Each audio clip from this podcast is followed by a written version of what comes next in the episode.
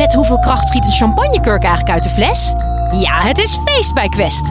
Al twintig jaar serieus leuk, met nieuwsgierige vragen en antwoorden uit de wetenschap. Zo maken we Nederland elke dag een stukje slimmer. Nu in de winkel en op quest.nl. Hey, hi, Sophie hier van Universiteit van Nederland. Hey, even serieus, vraag je. 15 uur per week werken en voldoende verdienen voor the good life. Dat klinkt fantastisch, toch? Het grappige is, zo zouden jij en ik nu ongeveer moeten leven. Tenminste, dat voorspelden belangrijke economen ooit. Ik weet niet hoe het met jou zit, maar met twee dagen werk in de week red ik de good life zeker niet. Ligt dat nou aan wat we verdienen? Of stellen we te hoge eisen? Zijn we te hebzuchtig? Het antwoord krijgen we van economisch psycholoog Marcel Zelenberg van Tilburg University. Enjoy! Dit is de Universiteit van Nederland.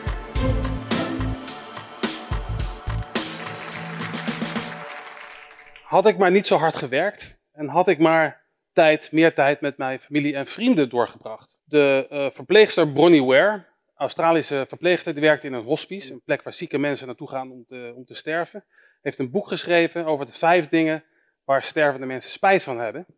En deze twee uh, zijn de dingen waar mensen van zeggen spijt te hebben. Had ik maar niet zo hard gewerkt. En dat is interessant, want als je kijkt tegenwoordig als mensen doodgaan, blijft er vaak een hoop geld over. Mensen gaan dood en er blijft een hoop geld over. Dat is fijn voor de nabestaanden. Um, maar je zou kunnen zeggen dat je dan te veel gewerkt hebt. He, waarom werken wij zo hard om geld te verdienen en gaan we niet lekker op het strand liggen? Je zou kunnen zeggen, je doet het goed als je op het moment dat je doodgaat al je geld op is. De vraag is, wat is genoeg? Wat hebben wij nodig voor een goed leven? Dat is een vraag waar niet alleen uh, wij ons nu mee bezighouden, maar waar ook de econoom Keynes zich mee bezighouden heeft. En hij ging ervan uit dat er twee belangrijke motivaties zijn bij mensen. De eerste is, ze houden ervan om rijkdom te vergaren.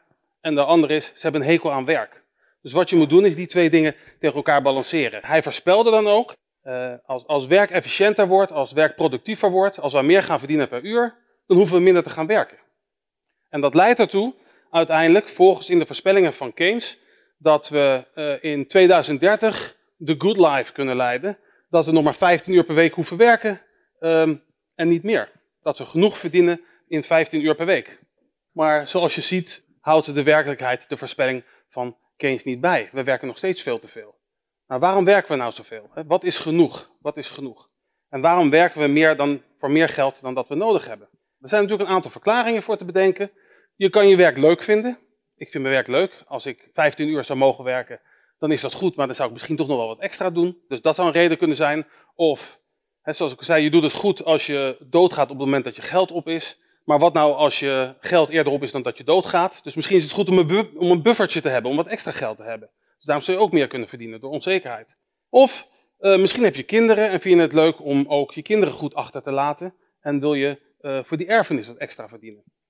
Dat zijn allemaal redenen om meer te werken dan die 15 uur per week. Om meer geld te verdienen dan dat je zelf nodig hebt. Maar ik denk, en daar wil ik het vandaag met jullie over hebben, dat er een andere verklaring is waarom wij meer geld verdienen dan dat we nodig hebben. Ik denk dat sommigen van ons misschien wel snel ontevreden zijn met te weinig. Dat ze misschien eigenlijk een beetje hebzuchtig zijn, dat ze altijd meer willen hebben. Ik ben economisch psycholoog, ik onderzoek hoe mensen keuzes maken. Hebzucht is een fantastisch construct, echt super interessant. Uh, en je ziet het overal om je heen. Wat is dat hebzucht? Nou, misschien kun je denken aan um, geld. Mensen die veel geld willen hebben, zijn hebzuchtig. Of uh, je kan denken aan um, de dolle dwaze dagen bij de, uh, bij de vroeger, waar de mensen naar binnen stromen om te graaien in bakken en spullen te kopen die ze eigenlijk niet nodig hebben. We, we denken bij hebzucht denken wij vaak aan materiële zaken. Bijvoorbeeld aan um, die verjaardag van dat kleine kind die met zijn speelgoed in zijn armen door de kamer rent en uh, huilend en alle andere kinderen erachteraan. Maar hebzucht heeft ook te maken met immateriële dingen. Facebook-vrienden, contacten op LinkedIn of de welbekende bucketlist. Waarbij sommige mensen die bucketlist afvinken en waarbij ik denk, heb je wel genoten van wat je gedaan hebt? Of gaat het alleen maar op het afvinken en het compleet maken van die, van die lijst van je? Hebzucht is uh, altijd meer willen en nooit voldoende hebben. Hebzucht is de onbevredigbare behoefte aan meer. En dat klinkt een beetje negatief. Mensen vinden dat ook negatief. Als je zegt, je bent best wel hebzuchtig, vinden mensen dat niet fijn om te horen. En als je kijkt naar alle religies in de wereld, alle grote religies, Jodendom, Christendom, Islam, Hindoeïsme, allemaal verketteren ze hebzucht. Economen daarentegen, economen praten over hebzucht als de motor van de economie. als constructief, als het fundament van het kapitalisme. Dus hebzucht is zowel positief als negatief en er zit misschien ook wel iets goeds bij. En dan komen we nou bij het mooie van hebzucht. Het verschilt per persoon. En dat kan je meten. Dat weten we uit ons eigen onderzoek. In ons onderzoek hebben wij een, een, een schaal ontwikkeld. We hebben een vragenlijst met zeven vragen om te meten hoe hebzuchtig mensen zijn. Twee van die vragen heb ik voor jullie hier uh, heb ik meegenomen. Um, bijvoorbeeld de eerste is, geld heb je nooit genoeg? Nou, wie is het daarmee eens? Ik zie een aantal handen, heel erg goed. Wie is daarmee oneens? Nou, een beetje een mooie, mooie verdeling. Een paar bescheiden mensen, een paar misschien hebzuchtige mensen. Een ander, mijn favoriete. Uh, mijn levensmotto is meer is beter. Nou, daar kan je het bijna niet mee oneens zijn. We hebben zeven van dit soort vragen aan mensen voorgelegd. En dan krijg je een score. En dat hebben we aan duizenden mensen voorgelegd. En dan zie je een aantal interessante patronen. Wat je dan ziet, is dat um, oudere mensen minder hebzuchtig zijn dan jongere mensen. Dus jongere mensen uh, scoren daar een stuk hoger op. Wij weten niet of dat komt omdat die oudere mensen alles al hebben. Of dat ze misschien opgegroeid zijn in een tijd waar er niet zoveel te wensen viel. We vinden ook dat gemiddeld genomen mannen iets hebzuchtiger zijn dan vrouwen. En vrouwen, uh, hold your horses. Onder de 35 is dat patroon omgekeerd en zijn de vrouwen veel hebzuchtiger dan de mannen.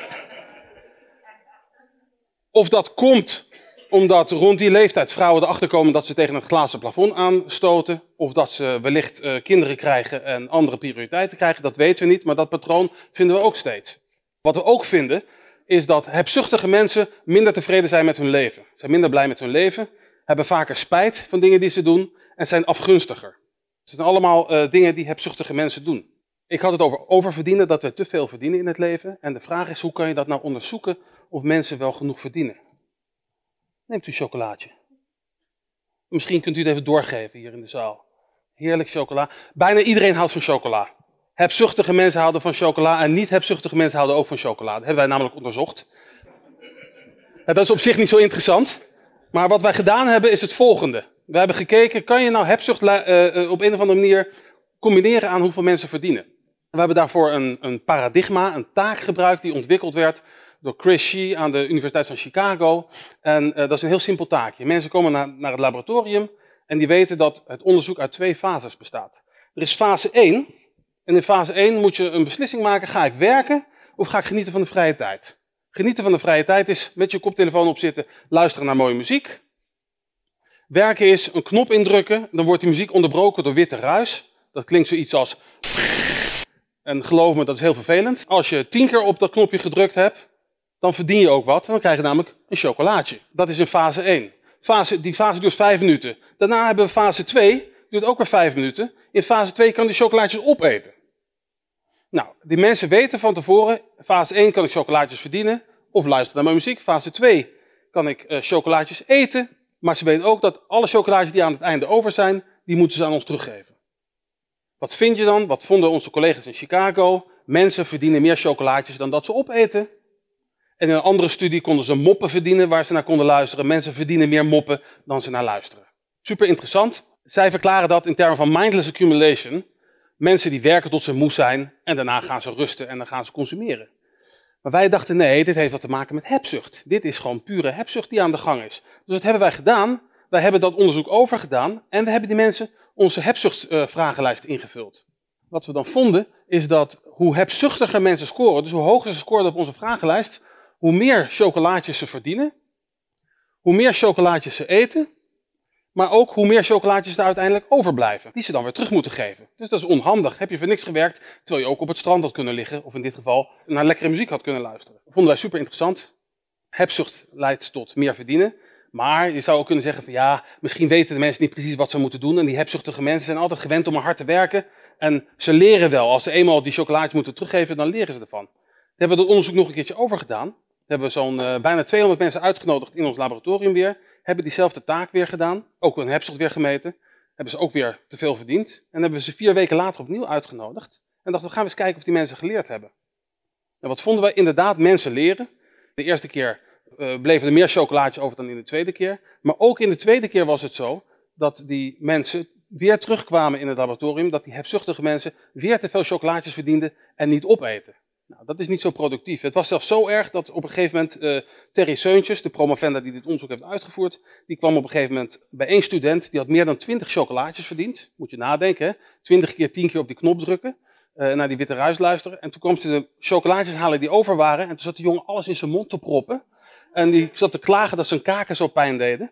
En ze zei nog tegen maar je hoeft niet alles op te eten. En hij zei, ik heb ervoor gewerkt, ik eet het op ook.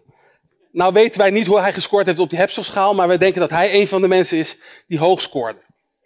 Nou, hebzucht is dus gerelateerd aan oververdienen, in ieder geval in dit, in, in dit simpele taakje. We hebben ook ander onderzoek gedaan met uh, middelbare scholieren. En daar vonden we ook dat mensen die hoog scoren op onze schaal, dat die meer verdienen met bijbaantjes en dat die meer zakgeld van hun ouders weten af te troggelen. Dus hebzucht lijkt wel degelijk samen te werken met hoeveel wij verdienen. Maar het belang van hebzucht is, uh, is groter dan dat. Een groot onderzoek van Nijrode samen met Elsevier, het Nationaal Salarisonderzoek, waarin ze bijna 125.000 mensen hebben ondervraagd over hoeveel ze verdiend hebben, uh, wat hun motivaties waren, waar, ze werkten, enzovoort, enzovoort. En 125.000 mensen hebben onze vragenlijst ingevuld. Nou, wat ze daar vonden, um, is dat mensen in, in, in sommige beroepen zijn meer hebzuchtig dan in andere beroepen. In de banken- en verzekeringswereld zijn mensen hebzuchtiger. In de makelaardij zijn ze hebzuchtiger. En in de delfstofwinning zijn ze hebzuchtiger. In andere beroepen, zoals de zorg, onderwijs, wetenschap, zie je dat mensen gemiddeld genomen minder hebzuchtig waren. En dit is interessant, ook voor de mensen die het boek van uh, Joris Luijendijk, uh, Dit kan niet waar zijn, gelezen hebben. Die beweert dat uh, bankiers helemaal geen hebzuchtige graaiers van nature zijn, maar dat het systeem dat bij ze opdringt.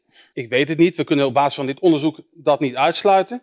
Maar wat mij logischer lijkt, is dat ja, werken in die omgeving kan je hebzuchtig maken, maar die omgeving selecteert ook mensen op hebzuchtigheid. Als jij erg hebzuchtig bent, dan doe je, je misschien wel heel goed in die omgeving. Als je heel erg hebzuchtig bent, gedij je misschien niet zo goed op een lagere school of in een uh, verpleegtehuis, want daar kan je zo weinig met je hebzucht. Dus wij denken dat hebzucht, ja, um, systemen kunnen mensen hebzuchtig maken, maar die selecteren ook hebzuchtige mensen die individuele verschillen in hebzucht. Sommige mensen zijn hebzuchtig en andere mensen zijn misschien wat minder hebzuchtig. Waar komen die nou vandaan? Waar komt dat vandaan? Nou, daar weten we ook een beetje wat van. Een studie in België en een studie in Rusland. Daar is gekeken naar waarom mensen wellicht hebzuchtig zijn. En zie je dat als je opgroeit in armoede, dat dat mensen hebzuchtig maakt. Dat heb, hebzucht meer te maken heeft met of je opgroeit in armoede, dan of je op dit moment arm of rijk bent. Dus de jeugd lijkt bepalend hier te zijn. En we hebben een eigen studie in ons uh, eigen lab in Tilburg gedaan met kinderen. En daar vinden we dat kinderen die wat angstige, onzekere moeders hebben, ook wat hebzuchtiger lijken te zijn dan kinderen die dat niet hebben. Dus we zien hier dat hebzucht gerelateerd is aan in ieder geval in dingen die gebeuren in je jeugd. Hebzucht is de onbevredigbare behoefte aan meer. Er zijn duidelijke individuele verschillen in hoe hebzuchtig wij zijn. Dat kan je meten met onze schaal. Je score op, op, die, op die vragenlijst, op die vragenlijst die wij ontwikkeld hebben, die hangt samen met het hebzuchtige gedrag dat mensen vertonen. En als ik dan terugga naar de vraag waar we dit college mee begonnen zijn, hoeveel is genoeg? Dan weten jullie dat dat afhangt van hoe hebzuchtig je bent. Epicurus zei het 300 jaar voor Christus al, wanneer genoeg te weinig is, is niets genoeg. Dat vind ik een mooie ja. Als genoeg te weinig is, is niets genoeg. Dankjewel Marcel Zelenberg. Hey, en als jij nog even zin hebt om wat te luisteren, we hebben nog veel meer mooie podcastafleveringen over ja, van alles. Van de oerknal tot aan hoe Tinder ons liefdesleven saboteert. Abonneer je, dan mis je niks.